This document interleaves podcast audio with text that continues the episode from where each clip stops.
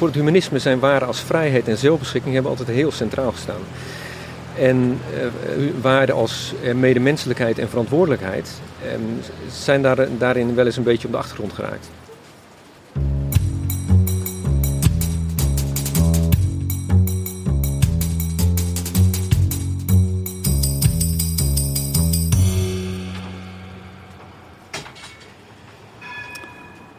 Welkom bij Celgesprekken over Vrijheid, een podcastserie van de Bali.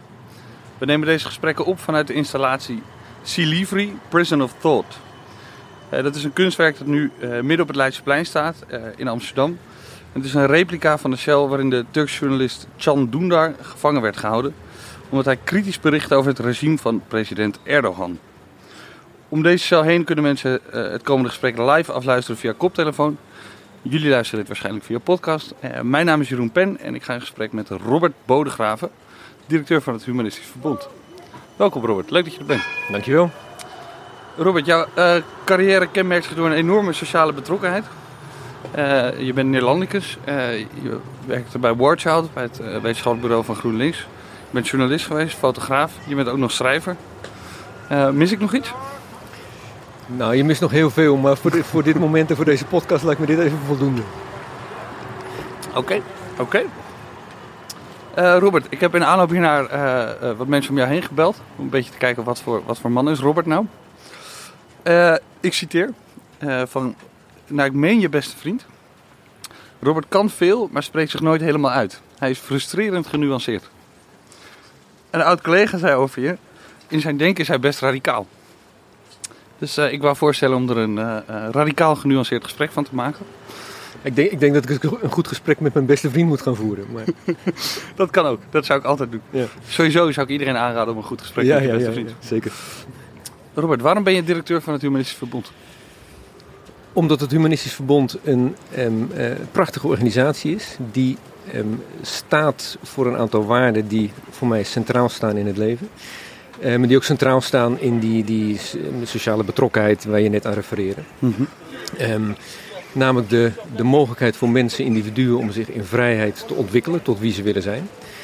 Um, maar ook de uh, verantwoordelijkheid um, uh, van de ene mens ten opzichte van de andere mens. En van de mens ten opzichte van het collectief.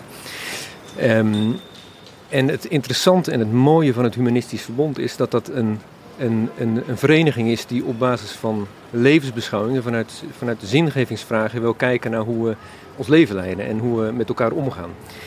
En, en de combinatie, en dat doet het Verbond door em, zich bezig te houden met die zingevingsvragen en dat ook aan te bieden aan leden en, en iedereen die daarin geïnteresseerd is, door cursussen, evenementen, lezingen enzovoort. Maar zich ook em, nadrukkelijk Um, positioneert in het maatschappelijke debat. Dus ook als het nodig is en als die waarden onder druk staan, um, uh, opstaat. Ja. En zo nodig de barricades beklimt. Um, en zo nodig radicaal is in het innemen van standpunten. en dat vind ik heel interessant. Een organisatie die zowel radicaal wil zijn en zich duidelijk en helder wil uitspreken, daar ook niet bang voor is. En tegelijkertijd steeds in het gesprek de dialoog zoekt. En dus radicaliteit niet als een positie Um, om je te verwijderen van de ander, maar radicaliteit om je uit te spreken voor je waarden. En, um, maar vervolgens wel voortdurend in gesprek te willen gaan, ook met, je, met, met degene die er heel anders over denken. Ja. Dus die combinatie vind ik, um, vind ik prachtig, daar voel ik me bij thuis. en daar, uh, dat is de reden dat ik, dat ik hier zit. Het, uh, uh, het klinkt ook een beetje als de Bali, op een bepaalde manier. Dus, ja, ja, ja, we zijn misschien ook wel sprake van enige geestverwantschap. Ja. ja. Hey, uh, het Humanistisch Verbond zit in heel veel landen. Ik weet, niet, ja. weet je hoeveel? Of, uh... Nu stel je me een gewetensvraag, dat weet ik nog niet. Nee, dat weet ik niet. Uh, in wat, veel landen. Het is bijvoorbeeld in Nigeria geloof ik nu een situatie ontstaan ja. bij het HV. Kan je daar iets over ja, vertellen? Ja. ja, Nigeria speelt nu een zaak. Um, de, de voorzitter van het... Er is een humanistisch verbond, een Nigeriaans humanistisch verbond. Dat heet daar net wat anders, de, de Humanist Association. Mm -hmm. Um, en de voorzitter daarvan, Mubarak Balla, die is zo'n twee jaar geleden is die, um, gearresteerd. Um, en die zaak die, die, die staat al een poosje ook steeds meer op de internationale agenda, omdat Mubarak Balla gearresteerd is, omdat hij een aantal Facebook-posts heeft geplaatst die geïnterpreteerd zijn als blasfemisch, dus godslastelijk. Mm -hmm. in Nigeria betekent dat dat Mubarak aangeklaagd is en dat hij de islam beledigd zou hebben. Um, Mubarak Balla um, herkent zich daar overigens niet in, maar hij is opgepakt. En het rare en het, en het um, moeilijke van deze zaak is dat hij opgepakt is in een andere staat dan waar hij woont en waar hij die uitspraken deed.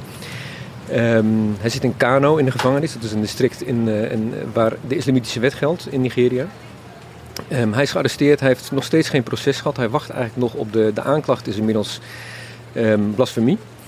Uh, maar hij wacht nog op een proces. Uh, hij heeft nog geen kans gehad om zich te verdedigen. Hij krijgt geen toegang tot juridische hulp. Um, en Humanist International, dat is eigenlijk de overkoepelende humanistische organisatie waar het Humanistisch Verbond ook bij aangesloten is en andere humanistische organisaties over de hele wereld, zit zich echt uh, heel erg in voor die zaak van Mubarak Bala. Inmiddels ook samen met Amnesty International en um, tal van andere organisaties die bepleiten dat, dat hij vrijgelaten wordt, omdat er geen, geen zaak is tegen hem. Ja. Het geeft een beetje aan dat um, en, Humanist International en humanistische organisaties internationaal doen dat um, uh, vrij actief. Um, zich opkomen voor mensen die opgepakt worden, wiens vrijheid beroofd wordt. Vaak omdat ze zich in landen, het speelt vooral in landen waar godsdienst, oh, ik laat iets vallen, sorry. Waar godsdienst um, leidend is en waar je, waar je eigenlijk verplicht bent om de, de staatsgodsdienst en de, de dominante godsdienst aan te hangen. Um, nou, eh, Bala is daar slachtoffer van. We zien dat ook veel in landen als Saudi-Arabië, Iran, um, Pakistan, Bangladesh. Waar mensen opgepakt worden omdat ze vermeend zich tegen eh, dan vaak de islam uitspreken. Maar het gaat niet alleen om de islam, het gaat om um, eigenlijk alle andere religies ook waar je opgepakt wordt als je daar uh, je tegen uitspreekt. Ik, daar wil ik even op inhaken, Robert. Dankjewel. Hoe sta je eigenlijk zelf tegenover religie? Ik, um, religies um, zijn, kunnen sterke motivaties zijn voor mensen om een um, moreel goed leven te leiden. En religies kunnen, um, hebben desastreuze gevolgen voor, eh, voor de vrijheid van mensen in landen. En welke, welke van die twee denk je dat overheerst? Dat kan ik niet zeggen. Kan ik niet zeggen. Dat ligt aan de context. En er zijn landen, er zijn religieuze landen in de wereld die, waar religie vrijwel alleen maar onderdrukkend is voor mensen. Maar religie kan ook heel bevrijdend zijn. Dus ik ben, om, om daar meteen maar duidelijk over te zijn, ehm, binnen de humanistische familie zal ik maar zeggen. Um, er zijn radicale atheïsten binnen het humanisme. De, de stroming laten we zeggen. De stroming Ja. Um, en er zijn religieuze humanisten. Um, wat mij betreft zijn die beide welkom binnen de humanistische familie. het gaat mij er niet om of je religieus of niet religieus bent. Het gaat mij erom of je de, de waarden waar het humanisme op gebaseerd is, het denken en de levensbeschouwing waar die op gebaseerd is, dat je die omarmt en dat je je daaraan conformeert. En uh, vind jij het Humanistisch Verbond te anti-religieus? Of is nee, dat perceptie van buitenaf dat het nee, sterk ik, ik, ik weet dat die perceptie er wel een beetje is. Um, kijk, het, het, humanisme in Nederland is, is wel interessant om even, even heel kort terug te gaan naar het ontstaan. Het is na de Tweede Wereldoorlog ontstaan als een beweging die enerzijds op wilde komen voor buitenkerkelijke in Nederland. Daar was ook reden voor, want um, in wetgeving in Nederland hadden buitenkerkelijk een aantal rechten niet die uh, mensen die kerkelijk waren, die in die zuilen nog verzeilde samenleving wel hadden. Um, dus er was alle reden om op te komen voor die niet-kerkelijke in Nederland. Inmiddels zijn we 75 jaar verder en um, is Nederland vergaand geseculariseerd. Dus is die strijd is veel minder dominant dan de tweede strijd waar het humanisme, het humanistisch verbond ook voor opgericht is. En dat is de strijd tegen het nihilisme. Um, wat na de Tweede Wereldoorlog eigenlijk in de jaren 30 al belangrijk werd, maar zeker na de Tweede Wereldoorlog echt volop tot uiting kwam. Het Humanistisch Verbond sprak over een kleine strijd en een grote strijd. En de kleine hoe, strijd... hoe, kwam dat volop tot uiting? Kan je het nihilisme, nihilisme. verbanden aan de uh, gebeurtenissen van toen? Ja, nou we hadden natuurlijk een Tweede Wereldoorlog gehad, waarin um, uh, het ideaal van dat mensen uh, in, een, in een rechtvaardige samenleving waarin iedereen beschermd was, nogal, nogal onder druk waren komen te staan. Dus het geloof in de goedheid van de mens had nogal een knauw gekregen in de Tweede Wereldoorlog. En um, tegelijkertijd was Nederland, um, waren er steeds meer mensen die, die was het geloof had dus ook een, een knauw gekregen. Hè? Dus, dus het, de katholieke kerk, de protestantse kerk hadden ook meegedaan met fascistische en nationaal-socialistische bewegingen. Niet allemaal, er waren ook uitzonderingen. Ze waren ook actief in, bezet, in het verzet. Maar er was nogal druk komen te staan op, op die samenleving en het vertrouwen dat, dat, je, dat je in vrijheid en dat je bescherming kon vinden. Dus het nihilisme als, als, uh, als, uh, als levenshouding speelde overigens al veel langer ook, al niet alleen door de Tweede Wereldoorlog. Dat, maar goed, laten we niet de hele geschiedenis erbij halen. Uh, maar nihilisme was een, werd gezien als een bedreigende houding voor de samenhang in de samenleving en voor de wederopbouw van de samenleving. Dus het Humanistisch Verbond wilde daar een rol in spelen. Um, en interessant genoeg is denk ik, die, die, die, die, die strijd is nog niet gestreden. Nihilisme is nog volop aanwezig in de samenleving en is denk ik ook bedreigend voor de samenhang in de samenleving. En waar, waar zie je dat nihilisme vooral nu? Nou, ik denk dat, we in de, dat, dat je nu ziet dat mensen, um, niet alleen in Nederland, ik denk dat, dat, dat we internationaal zien, dat mensen op zoek zijn naar houvast. En ja. dat mensen veel bedreigingen zien. Um, er zijn ook veel bedreigingen. We hebben een, een grote klimaatcrisis. De, de Glasgow-conferentie, de kop is uh, begonnen. Ja, daar, daar, komen we zo meteen komen we zo nog op terug. Ja. Um, we hebben een grote ongelijkheidscrisis. Mensen voelen zich, um, uh, als je aan de verkeerde kant van die ongelijkheid zit, dan uh, ben je daarin onveilig. we zien in Nederland een overheid die zich onbetrouwbaar toont. Zeker dat, dat draagt allemaal bij in dat mensen. We zien een polariserende samenleving waarin debatten en discussies heel snel in extreme worden getrokken. En dat leidt er allemaal toe dat mensen ehm, zich minder geborgen en minder veilig voelen in de samenleving. En ehm, daar kan nihilisme makkelijk uit ontstaan als levenshouding. Ik wil het met je hebben over geborgen en veilig voelen. Uh, hier in de Bali tijdens het Vrijdenkersfestival spreekt de uh, ongelooflijk moedige Iraanse activiste uh, Masih Alinejad. Ja. Zij is niet meer welkom in Iran. Haar familieleden worden opgesloten. Dat is allemaal vreselijk. Omdat zij strijdt voor het recht om geen hoofddoek te hoeven dragen. Dus niet dat niemand het mag, maar de, de verplichting, daar trekt zij veel tegen van. Ehm, zij sprak hier gisteren in de Bali in een grote zaal. En toen uitte zij vrij felle kritiek, vrij forse kritiek op Sigrid Kaag, die in Iran kwam en een hoofddoek droeg. Ja. Hoe kijk jij er tegenaan? Ja. Dit, ik wil een echte mening, Rob. ja, die krijg je. Um, en ik vrees dat ik hier mijn beste vriend toch een beetje gelijk moet geven, omdat ik hier een genuanceerd antwoord ga geven. Het spijt me, maar dat, dat, dat, dat kan hier niet anders. Kijk, als je. Um, binnen de islamitische gemeenschap zijn er vrouwen die de hoofddoek dragen um, met trots. En die de hoofddoek zelfs dragen vanuit het perspectief dat ze daarin hun vrouw zijn benadrukken en daarin benadrukken dat ze daarin een vrije keuze maken. Ik vind dat iedereen een vrije keuze moet maken hoe je je kleedt, hoe je je uit, hoe je je manifesteert. Zolang je de anderen geen kwaad mee doet en de vrijheid van anderen niet beknot. Dan, maar dat gebeurt wel.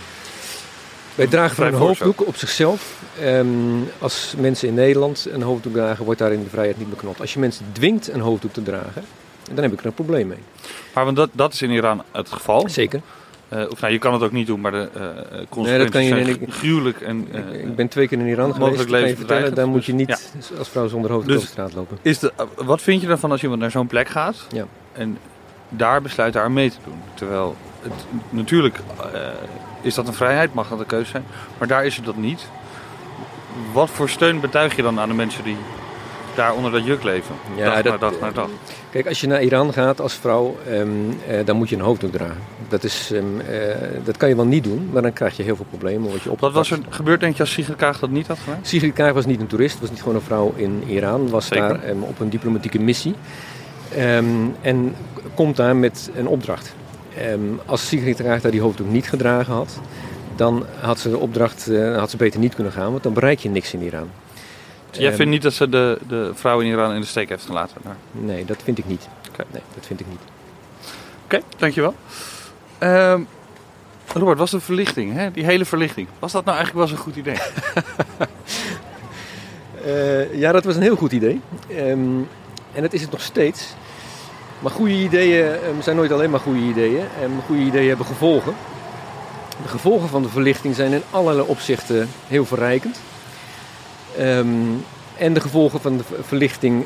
De verlichting heeft ook geleid tot. tot um, uh, nou, laat ik het anders. Wat, waar je op doelt. Ik denk dat ik weet waar je op doelt. De individualiteit en het individualisme komt natuurlijk voor, komt niet alleen uit de verlichting voort, komt ook uit de renaissance al voort. Maar de verlichting heeft wel heel, heel nadrukkelijk het individuele denken en de individualiteit centraal gesteld. En um, die verlichting werkt nog, um, uh, gelukkig werkt die verlichting nog steeds door in de samenleving en in ons denken. Maar je kan je afvragen of het individualisme en de individualiteit. Individualiteit is overigens iets anders dan individualisme. Maar um, of het individualisme... Kan je dat onderscheid even uitleggen?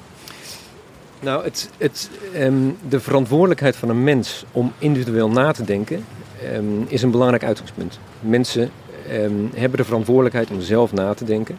En moeten zichzelf, wat mij betreft, steeds uitdagen om na te denken. En kritisch te bevragen. Iedere keer als je ergens mee met een idee geconfronteerd wordt, moet je jezelf afvragen: klopt dit nou? Is dit nou zo? Um, betekent niet dat je wantrouwend moet zijn altijd. Dus dat je het bijvoorbeeld bij oneens moet zijn. Dat, dat zie je ook gebeuren. Dat is niet de bedoeling wat mij betreft. Maar je moet kritisch de vraag stellen, klopt dit nou? En, en, en dus individueel nadenken is, staat nog steeds, um, uh, vanuit verlichtingsdenken, is nog steeds heel, staat voor mij nog heel centraal. Maar individualisme als mijn individualiteit gaat boven het collectief en gaat boven wat anderen willen ik moet altijd doen wat mijn individualiteit en mijn individuele belangen mij ingeven. Dat wordt problematisch. En dat wordt steeds problematischer, zien we. Ja, want jij trekt, uh, uh, als ik het goed begrepen een directe lijn tussen dat en twee van de grootste problemen van onze maatschappij op dit moment. We schudden er net ook al even langs. het klimaatdrama eigenlijk. Ja, ja, ja. Hoe is dat verbonden met dit individualisme?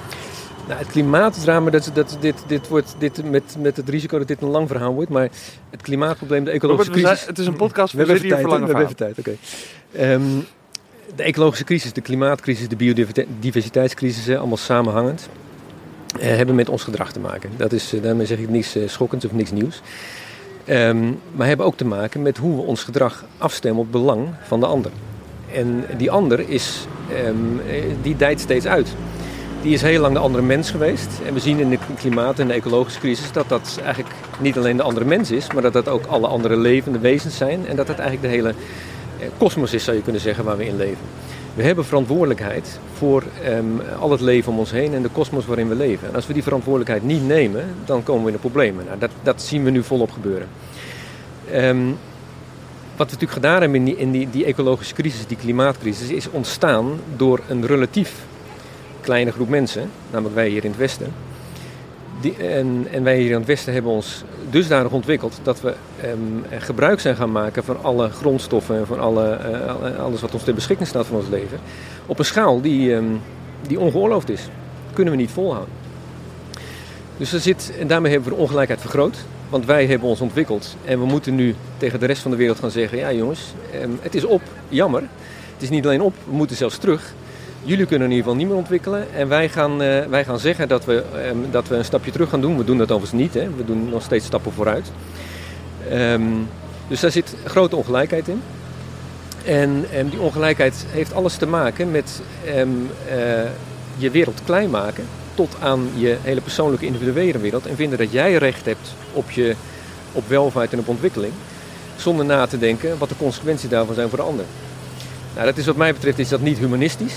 Um, en um, wat mij betreft zijn dat vormen van doorgeschoten, van doorgeschoten individualisme. En uh, uh, daartegenover stellen jullie iets dat ecohumanisme heet. Ja, ja. Vertel, wat is dat? Nou, dat is, dat is eigenlijk uh, ecohumanisme. Of is dat een zoektocht nog? Ja, dat is een grote zoektocht. Dat is een grote zoektocht en als ik heel eerlijk ben, dan um, vind ik dat, we, dat de humanistische beweging, waar het nu echt volop speelt, dit denken is nu volop gaande,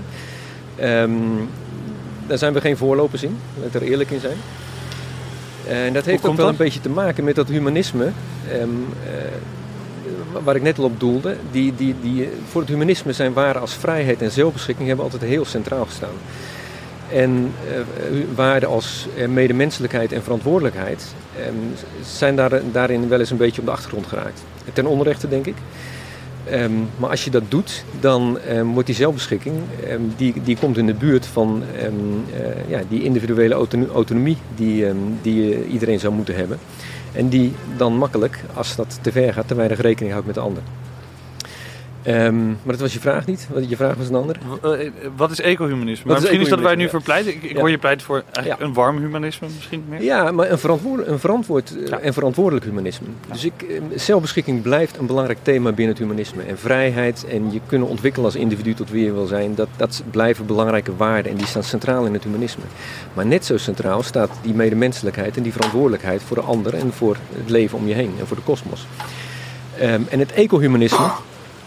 Um, wordt dat nu, um, ja, zijn we dat aan onszelf verplicht om dat nu in hoog tempo te ontwikkelen? Wat verstaan we daar nou precies onder? En hoe kan je vanuit die levensbeschouwing, die het humanisme wil zijn, met die kernwaarden die we hanteren, En al die zingevingsvragen die daarbij horen, hoe kunnen we dan ehm, eh, bijdragen aan oplossingen voor die grote crisis waarin we zitten? En dat is een grote zoektocht, zoals het overigens voor iedereen een zoektocht is. Hè? Want, want ehm, we zijn allemaal ehm, eh, enorm op zoek hoe we dit op moeten lossen. En um, uh, defetisme ligt echt op de, op de loer, en nihilisme ook. En dat zie je ook volop gebeuren. Mensen die het niet meer geloven. We zien naar de kop in Glasgow. We zien dat uh, alle rapporten die nu uitkomen, we zien het gaat echt de verkeerde kant op. En alle beloftes die gedaan worden, worden gebroken, worden genegeerd. Dus het is heel makkelijk om nu in nihilisme te vervallen. En dan juist moet je dus vanuit um, een, een levensbeschouwelijke beweging als het humanisme, moet je opstaan en zeggen, wacht even, dit kunnen we ons echt niet permitteren. Uh, we zullen nu met elkaar het gesprek aan moeten gaan en elkaar veel feller aan gaan spreken en veel radicaler aan gaan spreken op wat onze verantwoordelijkheid is. En dan kunnen we niet eh, blijven, blijven hangen in individuele zelfbeschikking, want daar komen we niet verder mee. Het humanisme trekt ter strijde. Jazeker. Ja, en dat zouden we nog veel um, dat zouden we moeten blijven doen en dat zouden we ook fel moeten doen. Eh, want we hebben daar een verantwoordelijkheid in. We zijn niet veel waard als, als levensbeschouwelijke beweging als we ons niet helder hierin positioneren en ook, ook een heldere lijn uh, en een perspectief schetsen. Want het humanisme is ook een optimistische beweging. Dat is het altijd geweest. Het is altijd de beweging die geweest, geweest die zegt wij geloven ook in de mogelijkheden van mensen. Als je naar het ecohumanisme, naar de klimaatcrisis kijkt, dan uh, hebben de mensen hun mogelijkheden misschien niet zo heel goed gebruikt de afgelopen uh, decennia. Want het gaat eigenlijk, uh, laten we ook, de, de, de, crisis is vooral in een paar decennia ontstaan. Hè. Het, is, het is langzaam ontstaan in een paar eeuwen, maar de, in de laatste decennia is het totaal uit de hand gelopen. We Door menselijke mogelijkheden. op het gaspedaal getrapt, ja. Ja, ja. en, dat, um, en um, dat waren menselijke mogelijkheden waarin we van alles ontwikkeld hebben en welvaart ontwikkeld hebben en systeem ontwikkeld hebben waarin we een leven leiden wat, wat heel veel goeds brengt. Uh, en we hebben onachtzaamd dat we daarmee enorm veel vernietigen en ons enorm in de problemen uh, hebben geholpen. En het optimisme van het humanisme betekent dat we nu moeten zeggen: oké, um, nu zijn we hier. Um, we gaan erkennen wat, we, wat we onszelf aangedaan hebben. Maar we gaan nu zorgen dat we het opgelost En dat kunnen we, want mensen hebben enorme mogelijkheden. Dat kunnen we zien als we naar de geschiedenis kijken. Uh, we hebben enorme mogelijkheden. We hebben mogelijkheden om het goede te doen en we hebben mogelijkheden om het slechte te doen. En um, ik vind het altijd mooi om daarin. Um, uh, Christiana Figueras is de, de, de, een vrouw uh, uit Costa Rica. Die was de leidster van de klimaattop in Parijs in, in 2015, waar het klimaatakkoord werd gesmeed heeft daar als een soort olievrouwtje um, alle partijen bij elkaar gekregen en um, uh, gezorgd dat het klimaatakkoord er kwam.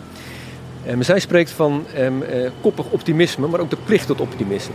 we kunnen het ons niet veroorloven om nihilistisch te zijn hierin. We kunnen het ons niet veroorloven om te zeggen, jongens, we hebben het verpest en uh, dit komt nooit meer goed. We hebben maar één optie en dat is hier met vol optimisme tegenaan te gaan.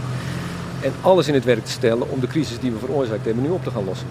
En dat is ook, dat is ook humanistisch. Hè? Dat is humanistisch ja. vanuit het perspectief. Mensen hebben die mogelijkheden.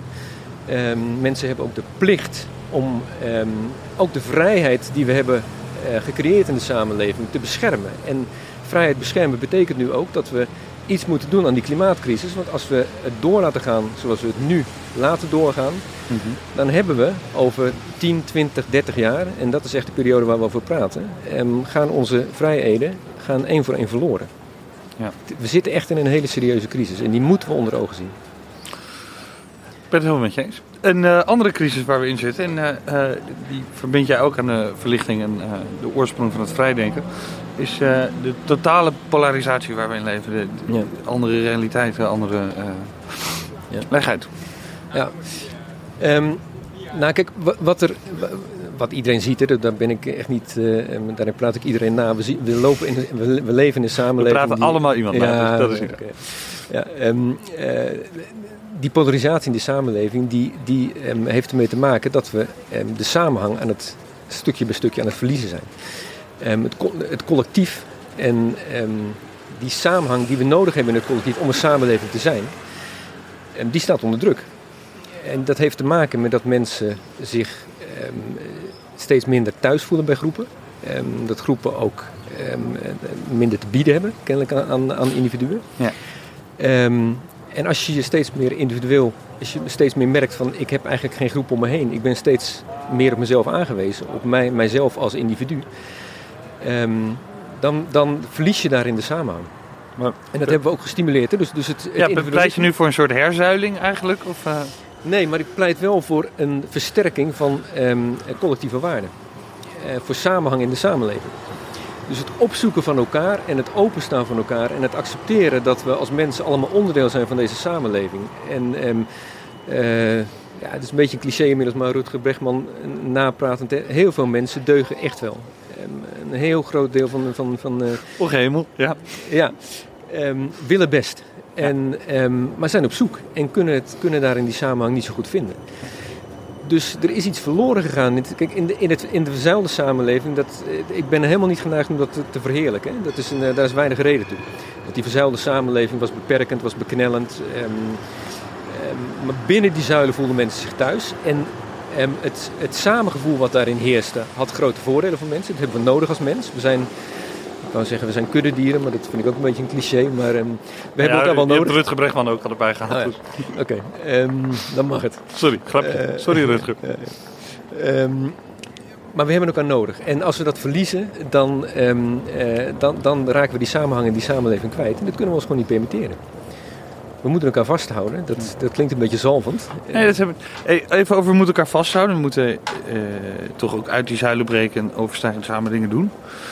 Eh, je hebt een tentoonstelling in het Amsterdam Museum nu, geloof ik, over eh notoire vrijdenkers. Ja. Eh, eh, vind je dat er vanuit jullie hoek genoeg aandacht is voor misschien de wat rechtsere vrijdenkers? Dat is een goede vraag. Ehm, Hoe, hoe, hoe verbindend of verbindend is het verkeerde woord, sorry, maar ja. hoe overstijgend is dat Ja, eigenlijk? ja, nou, dat, ehm, dat, is, dat is wel onze opdracht. Om in de En volle breedte hoe, hoe daar gaat aandacht het met die opdracht? Met het volbrengen van die opdracht? Dat, daar heb ik eigenlijk niet direct een antwoord op. Ehm, dat, dat weet ik niet goed. Ehm, als jij vindt dat we te weinig doen, dan hoor ik het graag. Ehm, en dat geldt voor iedereen die dit hoort. Maar kijk, er zijn. Vrijdenken is belangrijk. Dat is, een, dat is een, een, een essentieel begrip voor ons. Maar vrijdenken komt wel met verantwoordelijkheid. Dus ehm, wat voor humanisten ook belangrijk is, is dat, ik zei net al even, ik maakte net al even het onderscheid tussen, je, je moet kritisch afvragen of de dingen die je zegt en de standpunten die je invoert, die kloppen. En als je je verzet tegen een standpunt, dan moet je met goede argumenten komen, die ook te staven zijn. Ehm, er zijn groeperingen in Nederland die argumenten hanteren die gewoon onjuist zijn, die onwaar Benoem eens een paar van die groeperingen. Nou, ik, ik las vanmorgen een eh, interview. Ik ga hier mensen mee op hun tenen trappen, daar kan ik niks aan doen. Maar ik las vanmorgen over een, ehm, vrouwelijke rabbi waar ik, ehm, die een, een reden heeft gehouden in Friesland. En ehm, die vertelde dat in Nederland we onderdrukt worden omdat er een medicijn tegen COVID zou zijn dat in Nederland niet voorgeschreven mag worden. En dat je een hoge boete krijgt als arts als je dat voorschrijft. Rabiaat onzin. Ehm, en als je dat, eh, eh, dus echt, echte onzin, ehm, moet je bestrijden. Maar moet je niet zomaar bestrijden door te zeggen het is rabiaat. Dan moet je dus met argumenten moet je zeggen, kijk, er, zijn, er is veel onderzoek gedaan naar zo'n medicijn. Het blijkt niet te werken. Ehm blijf dan niet Gel- zeggen Geloof dat je echt in, in deze tijd dat argumenten volstaan? Dat, dat die werken? We hebben niet zoveel anders. Dus we zullen het ermee moeten doen. Ehm, Ja. ik, ik, ik, ik zie dat, het, dat mensen zich niet altijd laten overtuigen. We hebben allemaal, en ik denk dat, dat iedereen het herkent, we hebben allemaal gesprekken met, met eh, soms met vrienden, soms met naaste familie. eh, waarin we het echt heel erg oneens zijn in, eh, als het gaat over de bestrijding van corona. Ehm, maar we zullen het moeten doen met de argumenten die er zijn. We zullen het moeten doen met de, ehm, met de kennis die we hebben. Met, ook echt met de, de wetenschap, met het onderzoek dat gedaan wordt. Niet met eenmalig onderzoek dat door mensen gedaan wordt, wat verder door niemand gesteund wordt en eigenlijk alleen maar tegengesproken wordt. Maar wel met onderzoek wat herhaaldelijk en herhaaldelijk weer getest wordt en uiteindelijk eh, de best mogelijke kennis die we nu hebben oplevert. Daar moeten we op varen. Met die argumenten moeten we het doen. En als mensen die argumenten niet accepteren, ehm, dan heb ik als humanist daar een probleem mee. Want als humanist vind ik dat iedereen recht heeft van spreken. Maar daar komt ook bij dat je de verantwoordelijkheid hebt om je eigen spreken ehm, wel, te, wel te kunnen eh, baseren op, eh, op feiten. En ehm, feiten is meteen al een, een, een- worden, worden meteen al ingewikkeld, hè? want ehm, er zijn mensen die echt Alternatieve dat- feiten. Ja, die alternatieve feiten, ja. En dan moet je dus voor, en dat kost heel veel tijd en dat kost heel veel moeite en dat hoort er nou eenmaal bij, daar zijn we toe veroordeeld. Om eh, iedere keer weer te kijken, klopt het nou?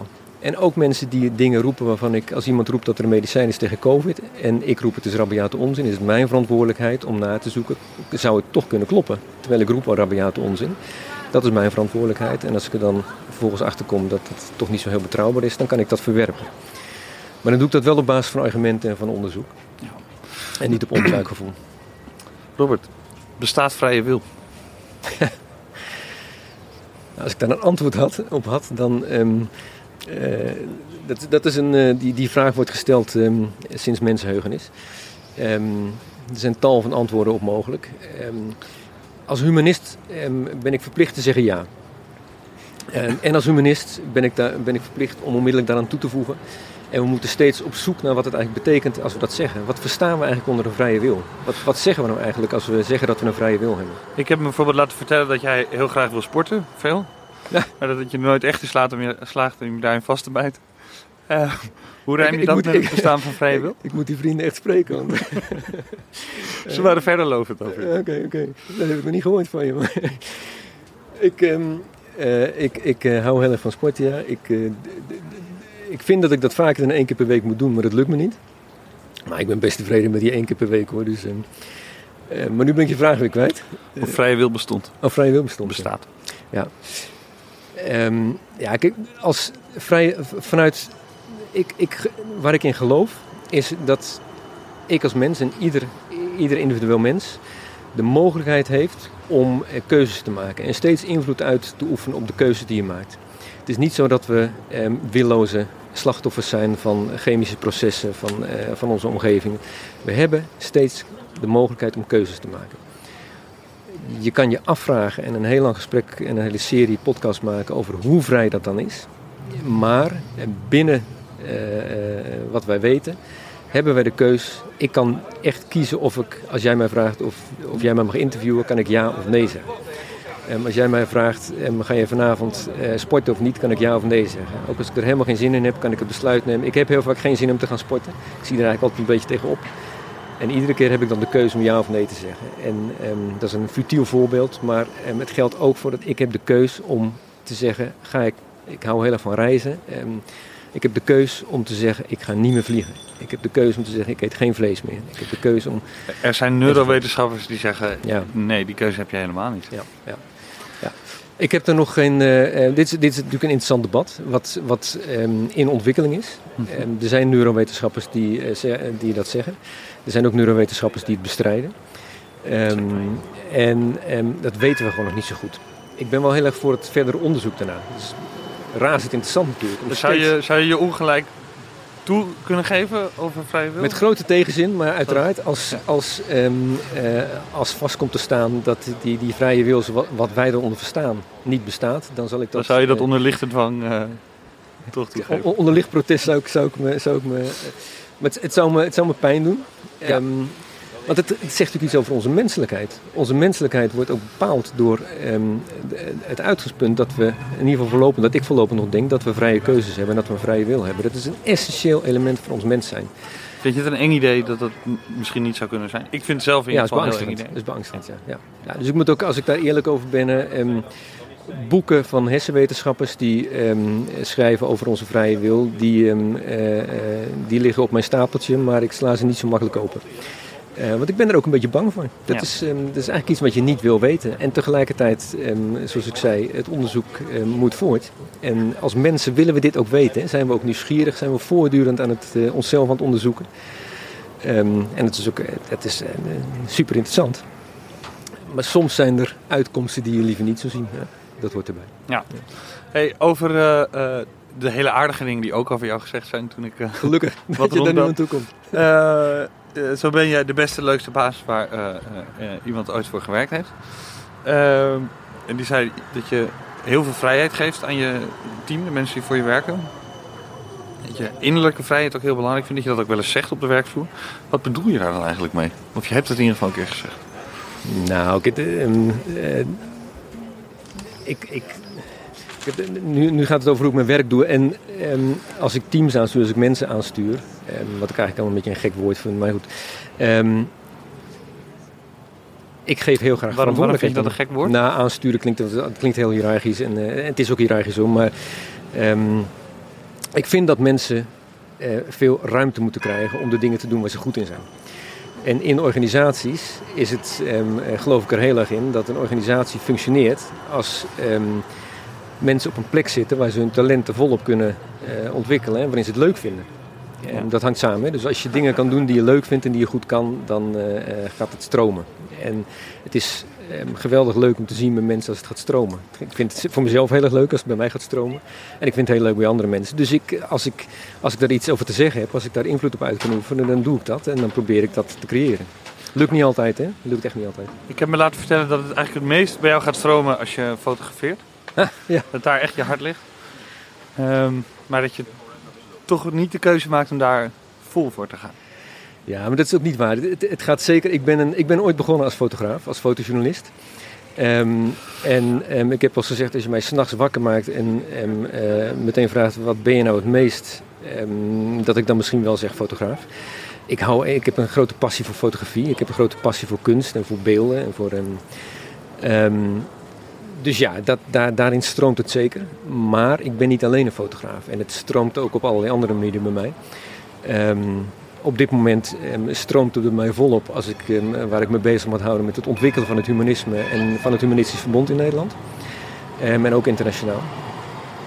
maar waar die misschien op doelde is dat ik wel beide nodig heb. Dus ik, heb het, ik, ik, ik gedij goed bij mijn, uh, mijn kop moeten gebruiken en strategisch na moeten denken en met de organisatie bezig zijn en na te denken. Maar ik heb het ook nodig om intuïtief te zijn en gevoelsmatig te werken en beelden te maken. En, en die combinatie die uh, bevalt me heel goed. Um, en het is wel zo dat als ik, zoals ik nu um, een aantal maanden geleden begonnen ben bij het Humanistisch Verbond, dat ik even opgeslokt word en dat er minder tijd is voor het intuïtieve en het maken van beelden. En die balans is belangrijk en uh, die komt voor je. Dat hoop ja. ik ook. Ja. Ja. Robert, uh, dank je voor dit gesprek. Graag gedaan. Was leuk. Dankjewel. Ja, dankjewel. We schudden, uh, jullie zien het niet, maar wij schudden hand. Wij schudden de hand. Dankjewel.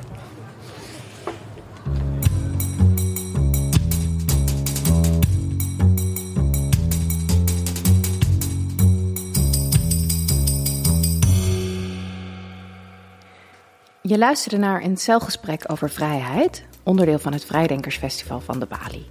Al onze andere programmering, met onder andere Jan Doendar en Massi Alinijad, is online terug te zien via YouTube of onze website. Bedankt voor het luisteren.